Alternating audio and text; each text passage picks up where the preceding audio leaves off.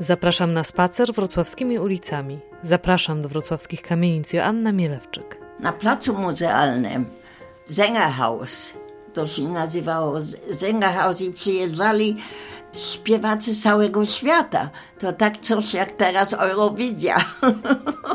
A jeszcze w hali e, stulecia tam się odbywało sześciodniowe wyścigi rowerowe. Sześciodniowe.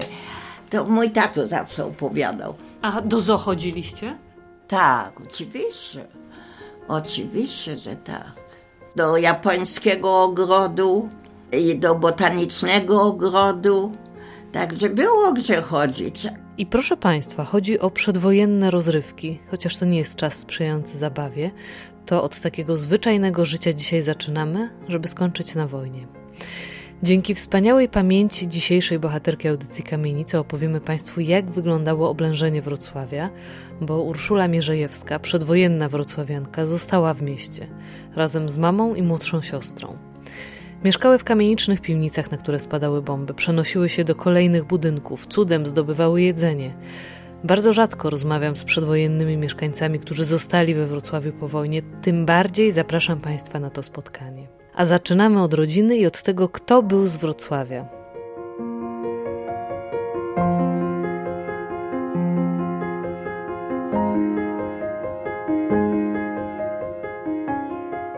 Ojciec. Mama się urodziła w obecnych Bogdaszewicach, to jest koło Środy Śląskiej. Mama nie pracowała nigdy, a, a tato był kierowcą taksówki. On był jednym z pierwszym taksówkarzem we Wrocławiu. Jak tu wprowadzili w latach, no on się urodził w 90 którymś tam, w latach 20 to było coś nowego. I on był jednym z tych pierwszych taksówkarzy. I całe życie zajmował się transportem. Teraz to się dzwoni telefonem i taksówka przyjeżdża. A wtedy były postoje pewnie taksówek. Gdzie te taksówki stały? Na tych większych ulicach. No i, i telefony były. Były budki telefoniczne i się dzwoniło. Na przykład moja chrzestna była dobrze sytuowana, miała mieszkanie siedmiopokojowe. Jak moja siostra się urodziła, ja już miałam 9 lat. Przez ten czas, jak mama wróciła ze szpitala, to tato mnie zawiózł do tej chrzestnej. Oni nie mieli dzieci, więc bardzo mnie hołbili i kochali. I w ciągu tych dwóch miesięcy tam byłam u nich. Poprawiłam sobie tak wyniki szkolne, że nauczyciel powiedział, że synu, twoje e, wypracowania są najlepsze w klasie i były zawsze przeczytane. Ale przedtem, jak ja byłam u rodziców, no, e, mama zajmowała się domem i tato jeździł, cały dzień jeździł, także byłam zdana na siebie. A tam to e, udostępnili mi Laurusę, to jest 24 encyklopedii. To ja się tam dorwałam do tego i to było w tym pokoju, gdzie ja spałam, także ja często e, zerwałam noce. To było e, Kornastrasse, to jest boczna, wielki przy powstańców śląskich. Myśmy mieszkali na Augusta Strasse wtedy, Szczęśliwa się teraz nazywa, ulica Szczęśliwa. A pamięta pani powstańców śląskich? Jaka to była piękna ulica? To się nazywała najpierw Kaiser Wilhelm Straße, a potem Adolf Hitler Straße. A potem chyba SA już. A, Straße der SA. Adolf Hitler Straße była na koło ogrodu zoologicznego. Tak jest. Między innymi tam był taki budynek do użytku nauczycieli, ja należałam do chóru, bo ja miałam bardzo niski głos altym. Altym śpiewałam i mało było dziewczynek, bo myśmy chodziły nie w koedukacyjnej szkole, tylko e, same dziewczyny były, bez chłopaków. No i my dziewczynki tam chodziły do chóru, tam ćwiczyłyśmy w tym. I to właśnie było takie wyjście. Z jednej i z drugiej strony schody na środku taki portal. A po szkole co się robiło? Gdzie się chodziło? Po szkole? No nie było czasu, trzeba lekcje odrabiać. Na rowerze jeździłam bardzo chętnie, takie wycieczki sobie robiłam, ale tu starsza byłam, nie?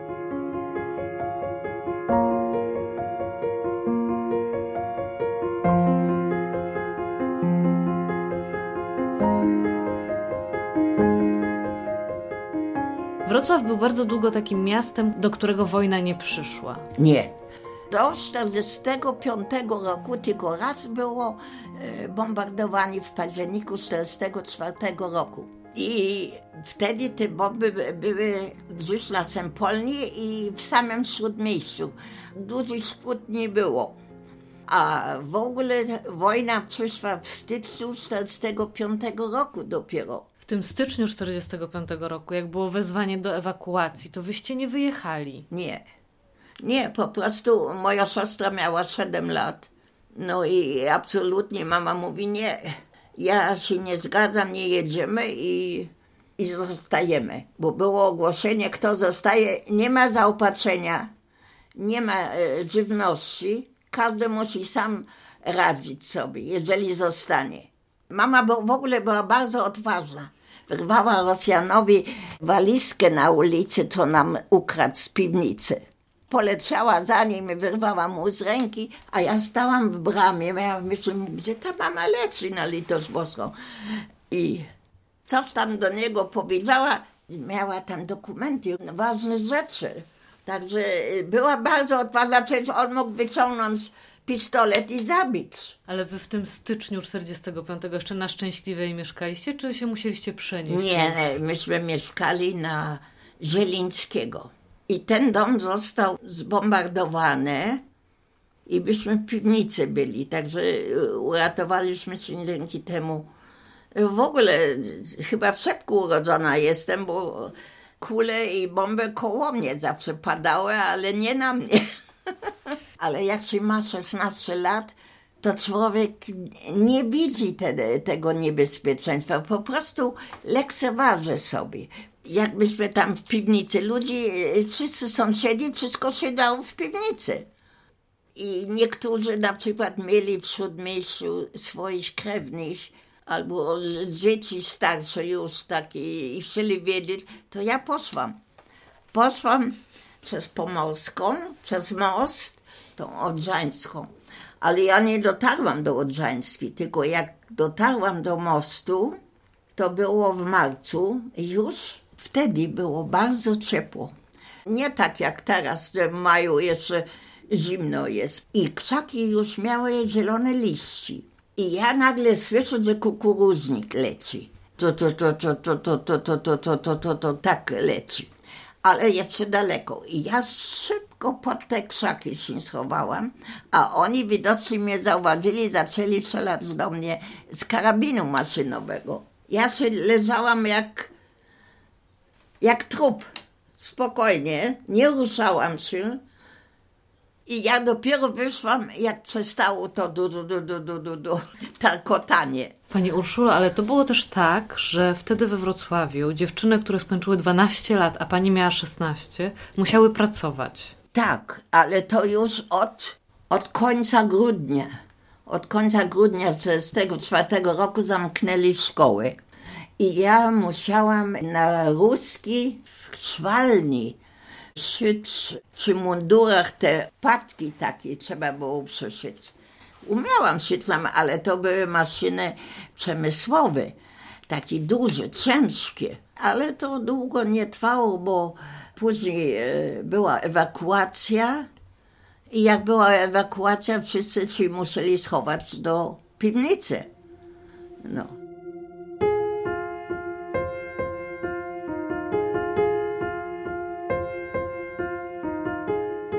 To są najstarsze.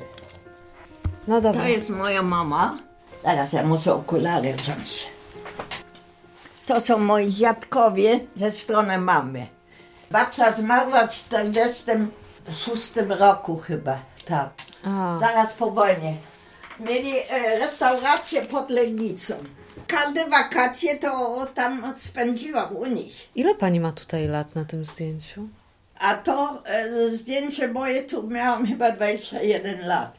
A proszę zobaczyć, to jest zdjęcie mojego taty, jak miał roczek. mojego taty, jak miał roczek. 1898 rok. No takie rzeczy to yy, po Skarby prostu... rodzinne. Tak, to ja zabrałam. A to jest ta chrzestna, zaraz, że ona jest taka dobrze zbudowana. No tu ona jest. To jest ulica koło Placu Grunwaldzkiego, tutaj. No ten plac grunwaldzki to wyjątkowo był podczas wojny. Zabrali ludzi z piwnic, moją mamę też zabrali, tam na ten plac, żeby odgrudowali, żeby, żeby tam mógł samolot startować. Ale mama powiedziała, że więcej nie pójdzie, bo cały czas stoją z karabinami i jakby ktoś się chciał oddalić, to by strzelali. I na drugi dzień ona nie już powiedziała, że ma małe dziecko, że już więcej nie przyjdzie. Trochę tej odwagi od niej odziedziczyłam, ale aż tyle to nie. Jak wam zbombardowali piwnicę Przyzielińskiego, to na plac Strzelecki się przenieśliście. Tak. To ludzie szli w nieznane. Kazali tylko iść na północ miasta. To był dom, normalny dom czynszowy, pięciopiętrowy to były tam same. Na paterze wojsko sobie zajęło, sklep widocznie tam był i mieli tam skład. Skład miodu i butelszmalc. Topione masło. No. Nie dla ludności, tylko dla wojska. W to uderzyła bomba? Uderzyła na ulicy, zapalająca i te iskry wleciały do tych składów na paterze. A myśmy byli pod spodem. Myśmy nie wiedziały, że tam jest skład, bo to zamykane wszystko. I w ogóle nie wiedzieliśmy, że nad nami się dom pali. Ten pięciopiętrowy budynek się palił. Jak doszedł pożar do dachu, zajął drugi budynek i stamtąd na paterze znowu poszło do góry trzeci budynek. Trzy domy tam zostały spalone i tam jest, widać, że tam jest dziura, tylko chyba jakaś administracja tam postawiła sobie barak. No i stamtąd gdzie poszliście? W sąsiednią ulicę na Schützenstraße. To jest ulica Łowiecka. I tam do piwnicy od razu. I tak od piwnicy do piwnicy, Tak, od piwnicy tak. do piwnicy. I mieliśmy taki wóz dwukołowy, taki wysoki. Tam pościel mieliśmy i takie rzeczy, które są potrzebne, no, najpotrzebniejsze przecież. Tam niedużo ludzi było, ale były też małe dzieci. Widziałam, jak te niemowlaki umarły, bo nie miały mleka. Kobiety nie miały czym karmić. Jak byście przeżyli to wszystko? Ja miałam takie polecenie, że ja jestem sprawna i zwinna. Ja byłam bardzo szyblutka. Przecież mnie nie przyjęli do szkoły pedagogicznej. Tak, za chuda byłam. 14 lat miałam i ile? 36 kilo ważyłam. I gdzie pani znajdowała to jedzenie dla was? Po piwnicach. Po piwnicach. Weki można było znaleźć, ziemniaki można było znaleźć, buraki. Ja pamiętam, jak raz znalazłam e, ziemniaki takie e, białe, to jak się ugotuje, one się tak rozgotowują. Miękkie są, smaczne. To jak jadłam te, te ziemniaki, to taka byłam zadowolona, bo mi to tak na ten żołądek mój dobrze zrobiło. Człowiek sobie nawet nie może wyobrazić, że to przeżył. Że to, że to było moim udziałem. No, trudno mi w to uwierzyć.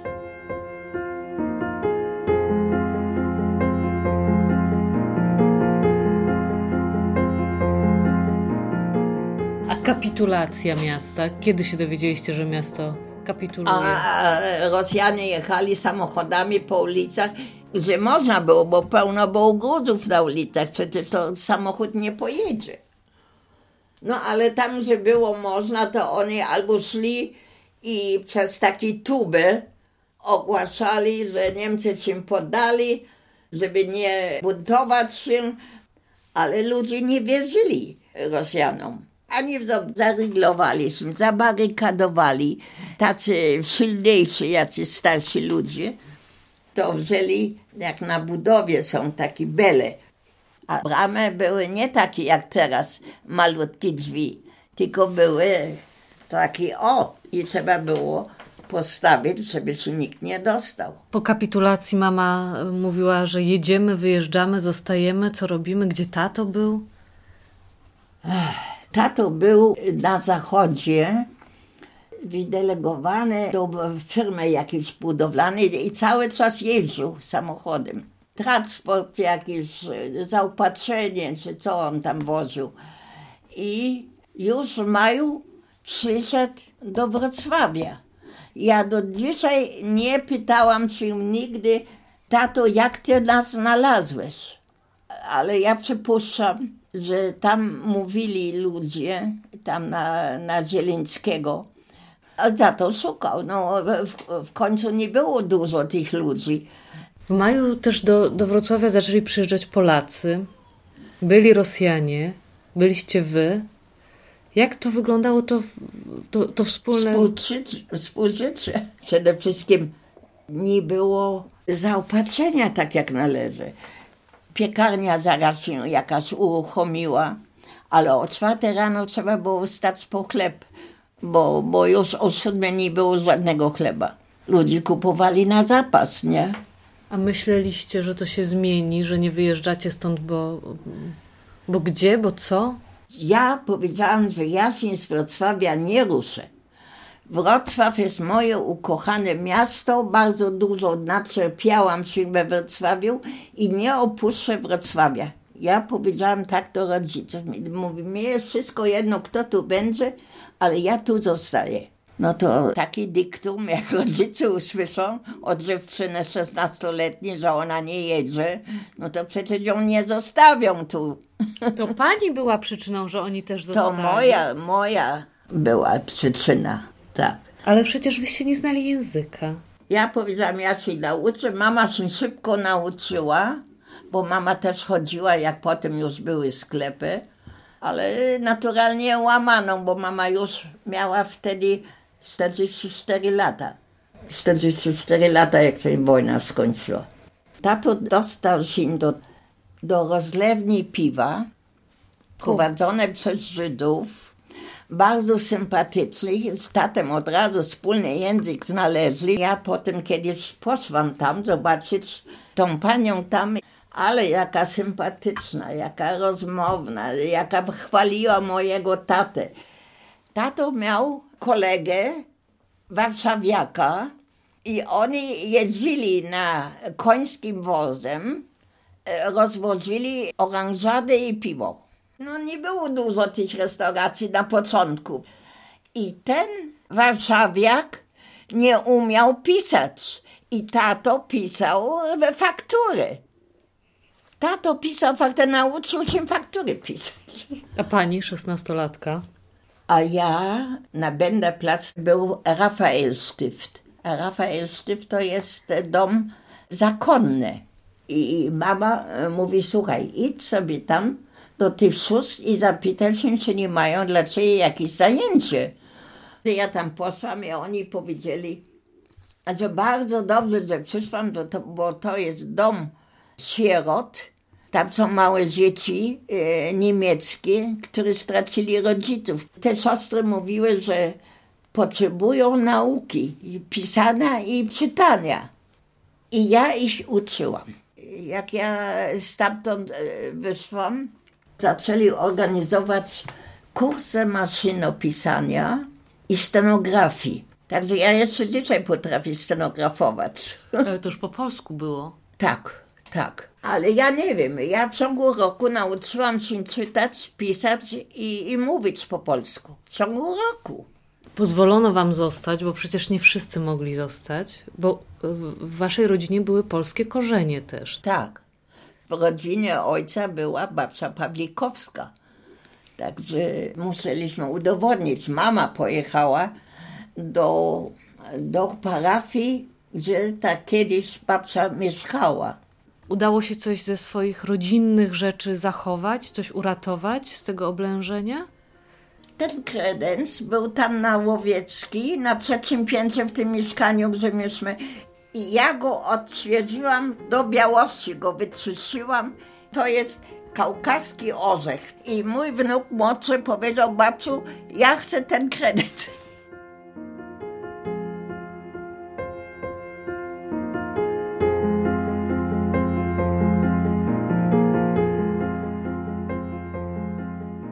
Wojnie wy zostaliście i zaczęło się odgrozowywanie. I ja rozumiem, że wy też w tym wszystkim braliście udział. Widziała pani to miasto w takich gruzach, potem widziała pani, jak to miasto się zmienia. No. Nie żałuje pani, że pani wtedy nie wyjechała? Nie. Jeżeli ja na przykład jeżdżę tam, że kiedyś blisko mieszkałam, no to myślę, Boże, co tu ja wszystko przeżyłam. Co tu przeżyłam wszystko. Ale y, jestem raczej nastawiona na, na teraźniejszość. Nie rozpamiętuję tego. Po prostu to, co złe, idzie precz. Jutro jest nowy dzień i nowe życie.